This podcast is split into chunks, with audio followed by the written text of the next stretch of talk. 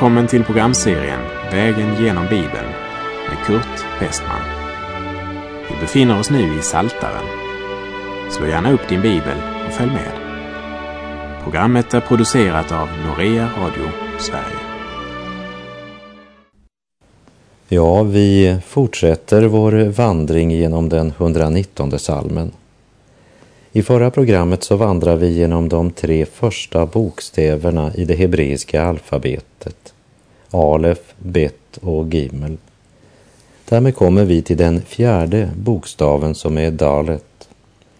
Saltaren 119, vers 25. Min själ ligger nertryckt i stoftet. Håll mig vid liv efter ditt ord.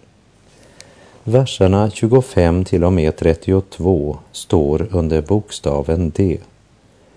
Och vår tanke går till ordet depression när vi läser orden Min själ ligger nertryckt.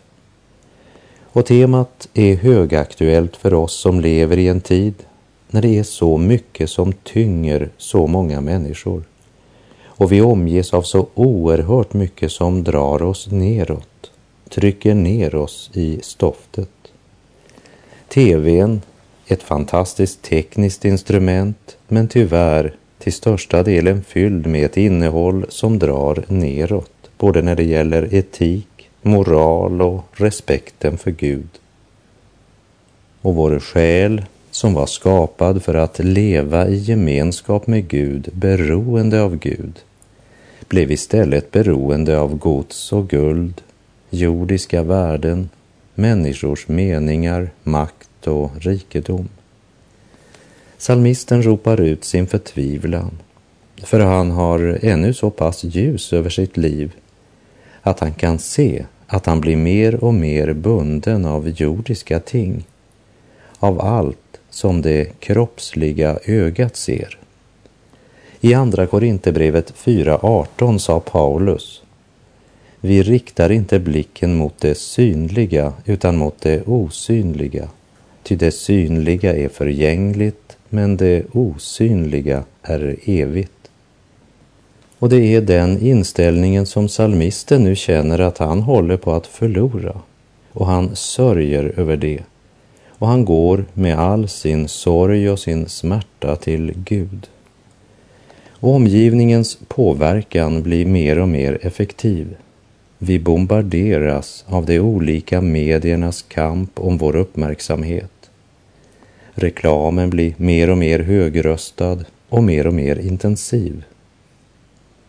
Och det är människan som står i centrum för allt som serveras. Världen lockar med kötslig frihet och förkunnar för dig att du måste tänka på dig för alla andra tänker bara på sig. Och med den magneten som balans i livskompassen så leds människan som en fluga in i spindelns nät. Min själ ligger nertryckt, säger salmisten. Herre, låt ingenting binda de vingar, vilka du en gång har givit åt mig, sjunger Lina Sandell. Vi läser Saltaren 119, verserna 26 till och med 32. Jag talade om dina vägar och du svarade mig. Lär mig dina stadgar. Lär mig att förstå dina befallningars väg, så vill jag begrunda dina under.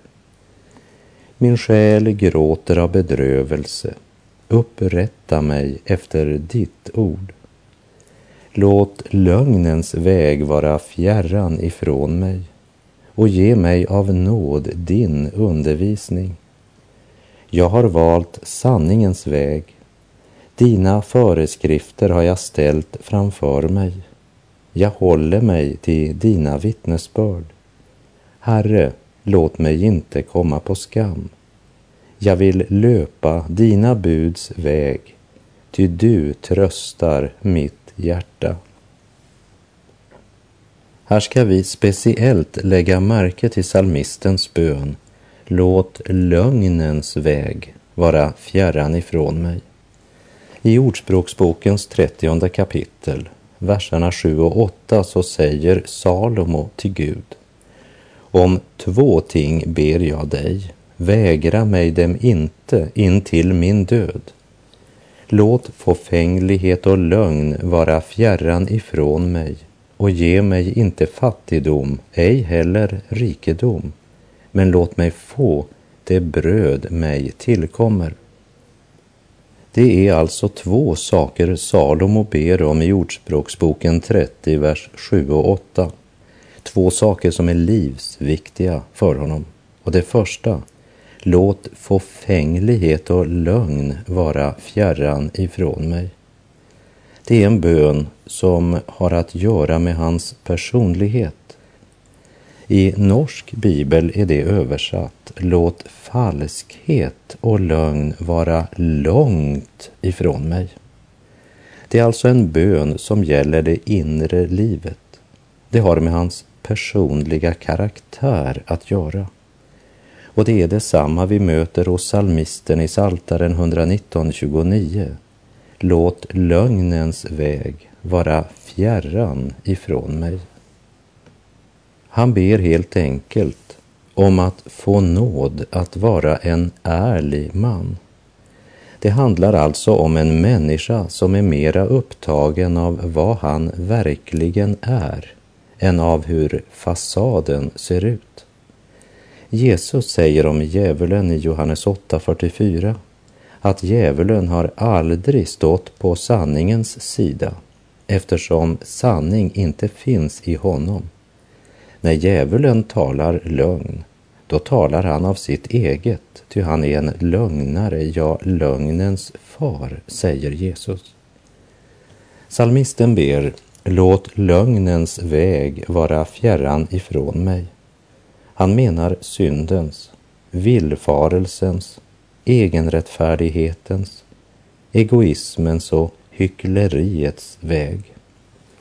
Salmisten kände sig bunden av materiella, jordiska ting och han kände sig bunden av lögnens makt som spann sina trådar omkring det hjärta som längtade efter att få vandra i ljuset.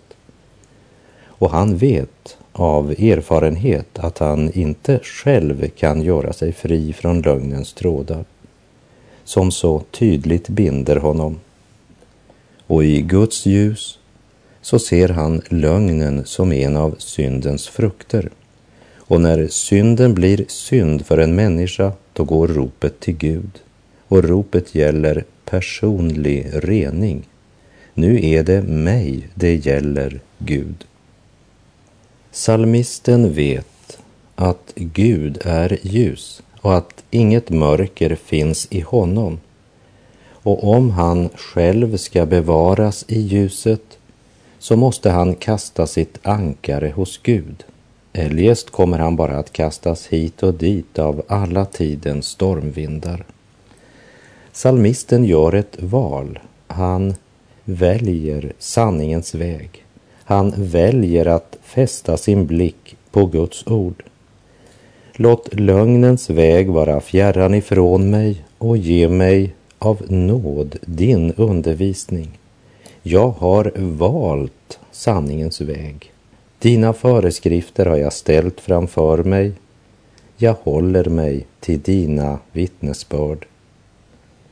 Och det är inte nog med renläriga teorier och att ha kunskapen i huvudet. Salmisten önskar praktisera Guds ord och vilja i sitt liv. Han betraktar Guds bud som en rik och underbar gåva. För det är lagens spegel som har avslöjat att han är smutsig och att han behöver tvätta sig. Och han är klar över att han kan inte tvätta sig med spegeln. Han säger, ge mig av nåd din undervisning. Ett sant Guds barn som lever i ordets ljus och andens uppenbarelse blir ställd inför den spegel där man inte längre kan förbli i sina falska tankar om sig själv och sina falska tankar om Gud. Låt lögnens väg vara fjärran ifrån mig.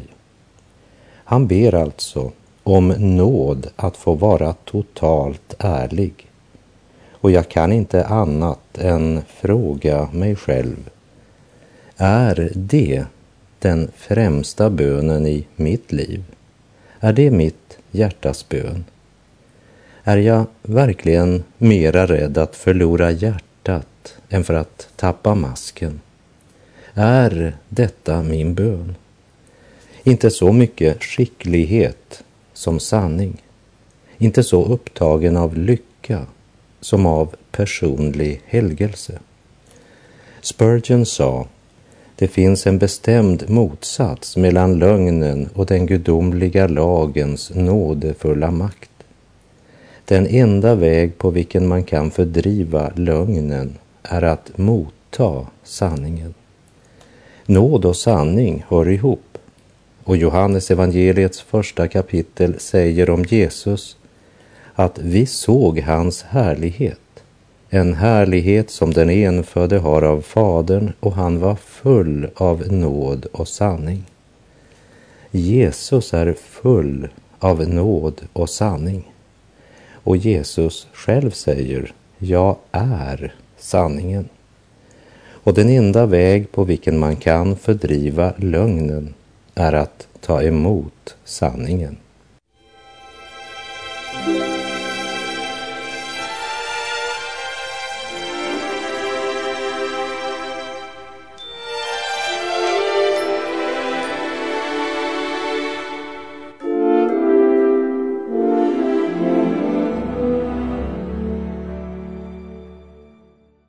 Vi ska inte stanna inför varje vers i den 119 salmen. Men vi ska i alla fall ta oss tid att läsa igenom salmen i sin helhet. Och vi fortsätter och läser från bokstaven He. Saltaren 119, verserna 33 till och med 40. Visa mig, Herre, dina stadgars väg, så vill jag akta på den ända till slutet.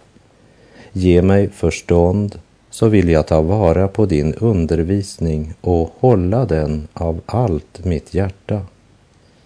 Led mig på dina budords stig, ty jag har behag till den. Vänd mitt hjärta till dina vittnesbörd och låt det inte vika av till orätt vinning. Vänd bort mina ögon så att de inte ser efter värdelösa ting. Håll mig vid liv på dina vägar. Låt ditt ord gå i uppfyllelse på din tjänare så att han fruktar dig. Vänd bort ifrån mig den vanära som jag fruktar ty dina föreskrifter är goda. Se, jag längtar efter dina befallningar. Behåll mig vid liv genom din rättfärdighet. Det är underbart att höra det här ropet som kommer från en äldre gudsman och som är så fyllt av barnets förtröstan.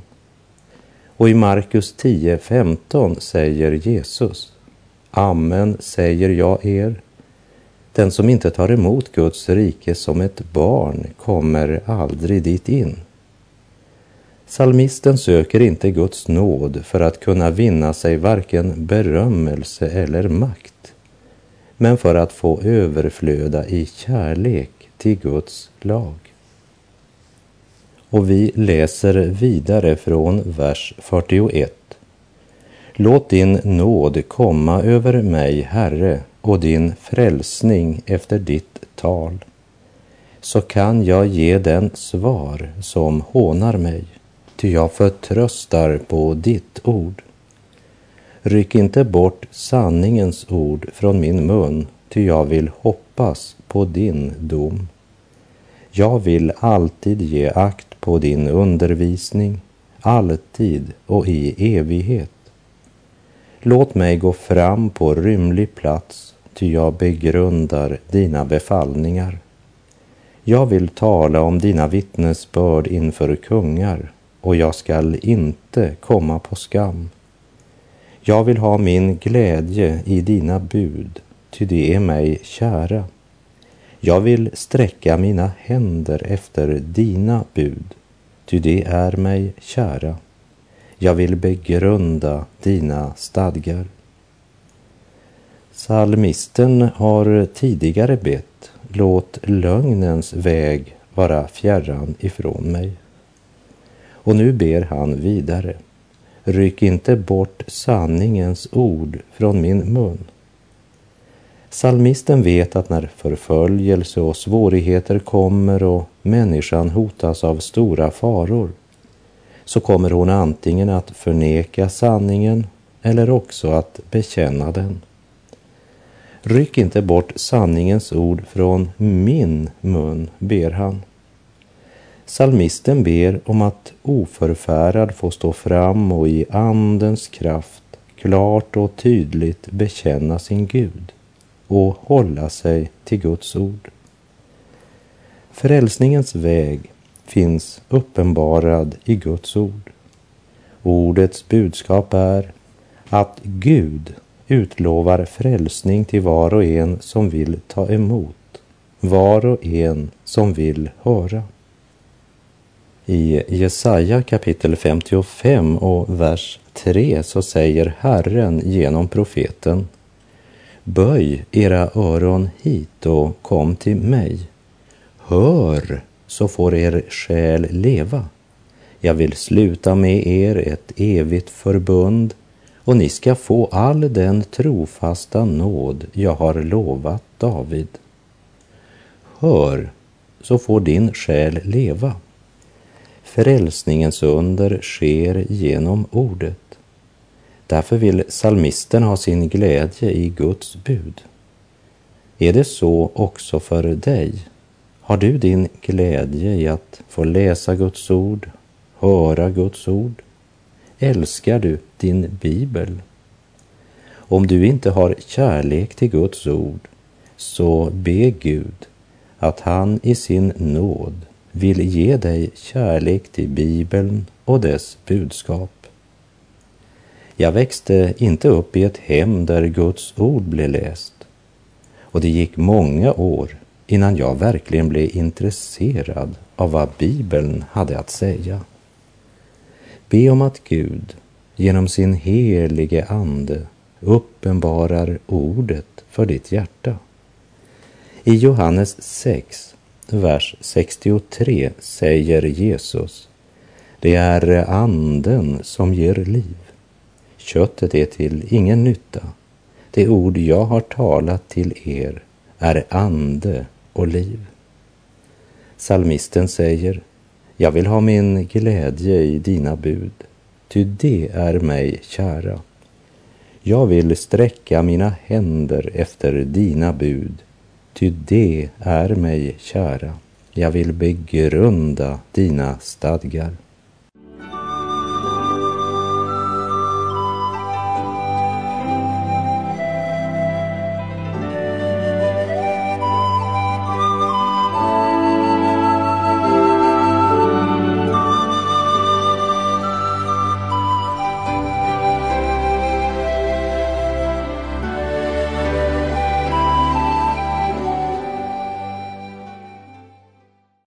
Över nästa avdelning i den 119 salmen står den hebreiska bokstaven Sajin och vi börjar med att läsa verserna 49 och 50 i det avsnittet.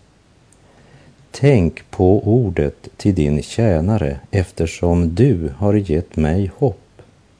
Det är min tröst i mitt lidande att ditt ord håller mig vid liv. Lägg märke till att han ber inte om ett nytt löfte, men han hänvisar till vad Gud redan har lovat. Och han ber att Gud konkret ska uppfylla sitt löfte. Teoretisk kunskap är inte nog. Han ber om en stadfästelse. Och hela hans tröst, förväntan och frimodighet vilar på Guds eget ord. Inte på salmistens helhjärtade tjänst, inte heller på hans starka tro eller några gärningar. men på ordet Gud har talat. Tänk på ordet till din tjänare eftersom du har gett mig hopp. Livet är inte problemfritt, tvärtom. Han är i lidande.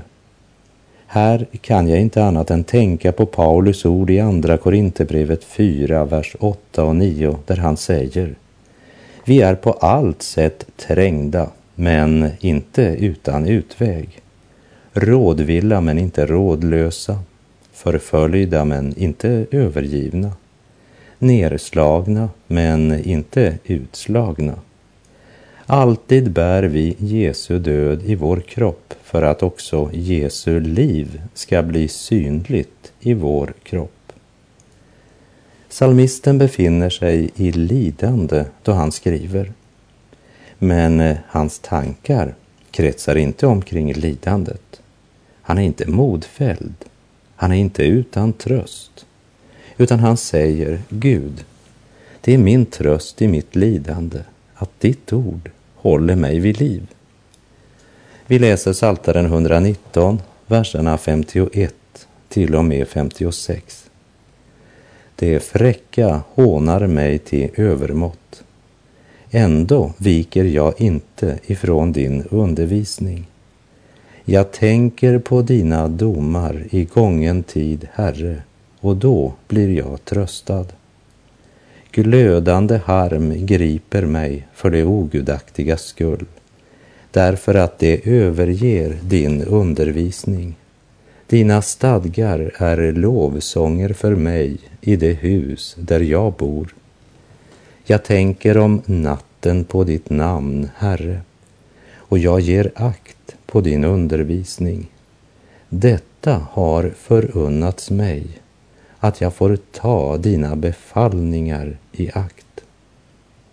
Man hånade salmisten till övermått därför att han var ett Guds barn och en Herrens tjänare. Då är det ganska underligt att någon kan anse det som ett nöje att göra narr av en Herrens benådade därför att han vill vandra på Herrens väg. Och vi lägger märke till att det liv som är något förfärligt för de ogudaktiga och som de både hånar och hatar, det är ett liv som salmisten ser som ett stort privilegium. Detta har förunnats mig, att jag får ta dina befallningar i akt. På samma sätt som synden bär straffets frö i sig genom att föra syndaren djupare och djupare ner i syndens dypöl, så växer istället den själ som väljer sanningens väg, både i kunskap om Gud och i kärlek till Gud. Den som arbetar med fruktan och bävan på sin frälsning får också erfara att Gud är den som verkar i honom både vilja och gärning för att Guds goda vilja ska ske, som det står i Filipperbrevet 2, vers 12 och 13. Och här kan jag bara instämma med mitt personliga vittnesbörd. Jag är så tacksam till Gud att det har förunnats även mig att få ge akt på Herrens befallningar och få vandra i hans ljus. Och vi läser vidare från bokstaven 1, verserna 57 till och med 64. Du är min del, Herre, jag har beslutat att ge akt på dina ord. Av hela mitt hjärta bönfaller jag inför dig, var mig nådig enligt ditt ord. Jag tänker på var jag går och vänder mina fötter till dina vittnesbörd. Jag skyndar mig och dröjer inte med att hålla dina bud. Det ogudaktigas snaror omger mig, men jag glömmer inte din undervisning. Mitt i natten stiger jag upp för att tacka dig för din rättfärdighets föreskrifter.